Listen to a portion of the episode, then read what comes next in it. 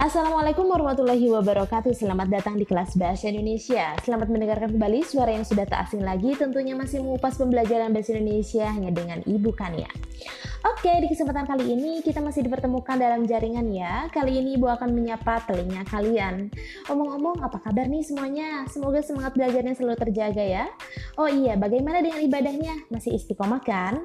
Mudah-mudahan kita bisa segera sholat duha bersama dan melantunkan nama-nama Allah dengan suara seirama pula Amin ya Allah ya Rabbal Alamin. Semuanya juga harus selalu bahagia ya dan Ibu doakan selalu dalam kasih sayang Allah. Sebelum Ibu beranjak mengenai apa yang akan kita bahas di podcast pertama ini, izinkan Ibu mengingatkan kembali anak-anak yang belum mengumpulkan tugas di pertemuan sebelumnya dan pastinya masih ibu tunggu ya. Semoga Allah menumbuhkan niat dalam hati kalian agar tugasnya bisa mulai dikerjakan dan senantiasa Allah limpahkan kemudahan bagi kalian. Dan tak lupa ibu ucapkan terima kasih kepada anak-anak yang sudah mengumpulkan tugasnya tepat waktu. Oke, alhamdulillahirrahmanirrahim. Di kesempatan kali ini kita masih membahas tentang surat lamaran pekerjaan.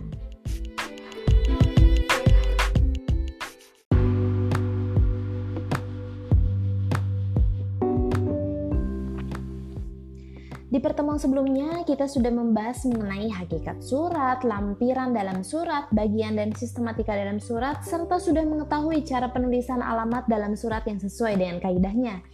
Lalu, apa sih yang akan dibahas kali ini? Di pertemuan sebelumnya, sempat ada yang bertanya nih mengenai bentuk-bentuk surat ya. Berawal dari pertanyaan, Bu, kalau posisi tanda tangan yang benar itu sebelah mana sih? Kiri atau kanan?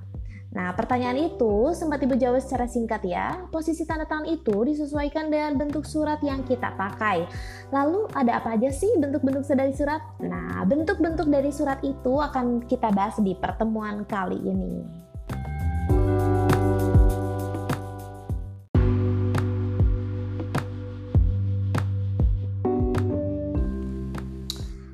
Bentuk surat itu terdapat tujuh bentuk. Yang pertama ada bentuk lurus penuh atau full block style. Bentuk surat ini merupakan bentuk surat yang paling mudah dan praktis digunakan.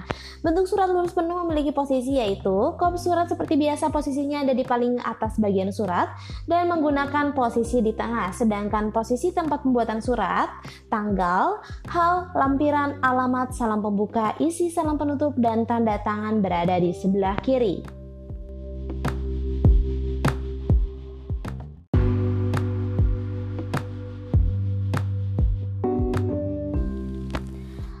Bentuk surat yang kedua ada bentuk lurus atau block style. Bentuk surat ini biasanya dipakai oleh berbagai perusahaan swasta atau negeri. Bentuk surat lurus memiliki posisi yang hampir sama dengan bentuk surat lurus penuh, namun posisi tempat, tanggal, dan tanda tangan berada di sebelah kanan.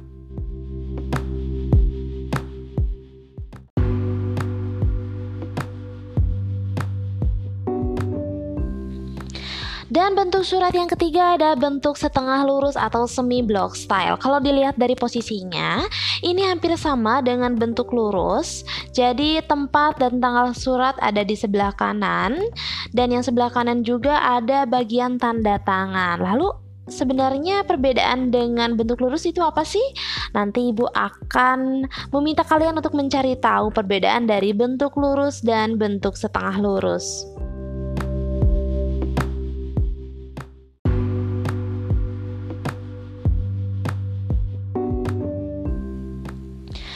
Bentuk surat yang keempat yaitu bentuk lekuk atau indent style.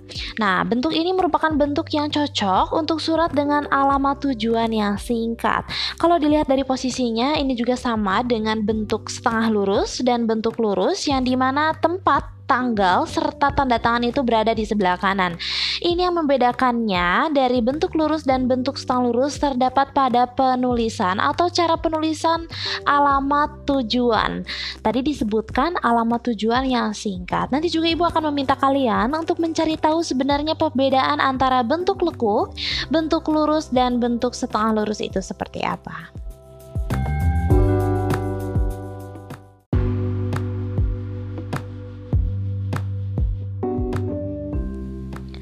Dan bentuk surat yang kelima ini ada bentuk resmi atau official style.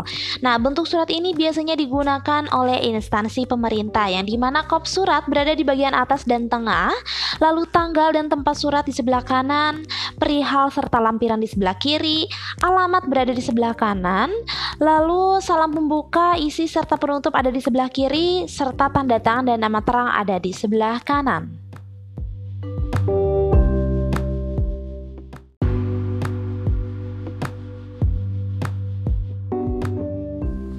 Bentuk surat yang keenam ada bentuk alinea menggantung atau hanging paragraph style. Kalau misalkan dilihat dari posisinya, yang berada di kanan itu hanya ada tempat tanggal, lalu ada juga tanda tangan dan nama terang. Lalu perbedaan yang lainnya ada di mana? Perbedaannya berada dalam posisi penggunaan alinea. Biasanya yang kita ketahui kalau misalkan paragraf itu yang menjorok yaitu baris pertama.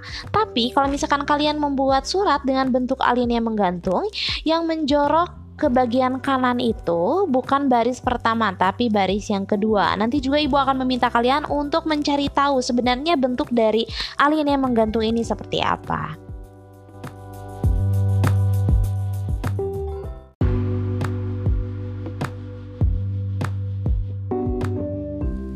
Dan bentuk surat yang terakhir adalah bentuk surat resmi gaya baru. Kalau misalkan dilihat dari namanya, ini posisinya memang sama dengan bentuk surat resmi yang di mana kop surat itu berada di bagian paling atas dan di tengah. Lalu tanggal serta tempat alamat itu ada di sebelah kanan. Perihal lampiran serta alamat di sebelah kiri lalu tanda tangan serta nama terang ada di sebelah kanan. Lalu apa sih yang membedakan antara bentuk surat resmi gaya baru dan bentuk surat resmi? Nanti Ibu juga akan meminta kalian untuk mencari tahu perbedaan dari kedua bentuk tersebut.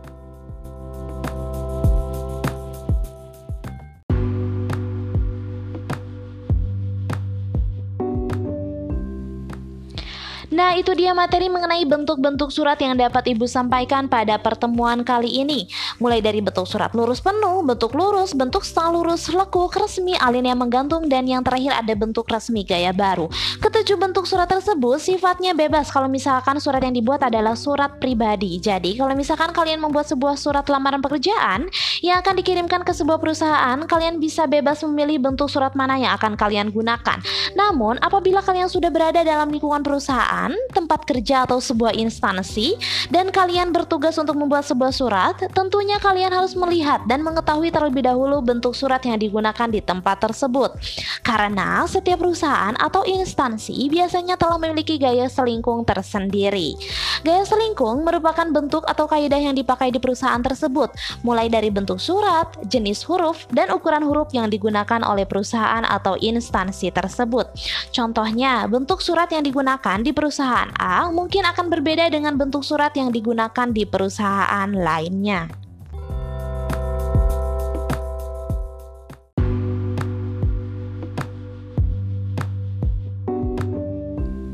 Apabila ada pertanyaan, kalian bisa langsung sisipkan komentar ya. Tapi Ibu belum tahu nih apakah kalian bisa langsung menyisipkan komentar di unggahan podcast ini atau bagaimana.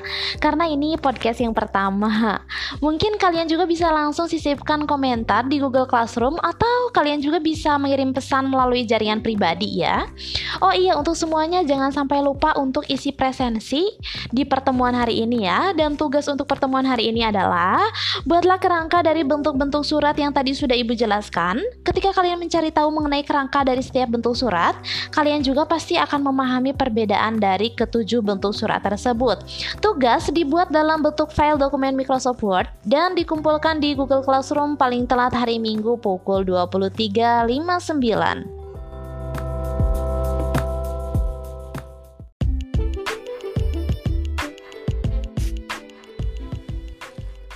Terima kasih untuk anak-anakku yang telah menyimak unggahan podcast ini sampai selesai. Apabila ada saran, kalian bisa langsung kirim pesan melalui jaringan pribadi ya. Sekali lagi Ibu ucapkan terima kasih untuk semua yang sudah menyimak. Mohon maaf atas segala kekurangannya ya. Semoga kita selalu diberikan kemudahan untuk terus belajar dan memperbaiki setiap kekurangan. Ibu berharap kita semua dapat kembali membahas semua pengalaman, cerita, dan mencerna setiap ilmu baru dalam ruang kelas sambil melihat pancaran mata, gerak-gerik, serta ekspresi kalian yang selalu Ibu rindukan. Sampai jumpa kembali di kelas Bahasa Indonesia dengan taburan ilmu lainnya. Wassalamualaikum warahmatullahi wabarakatuh.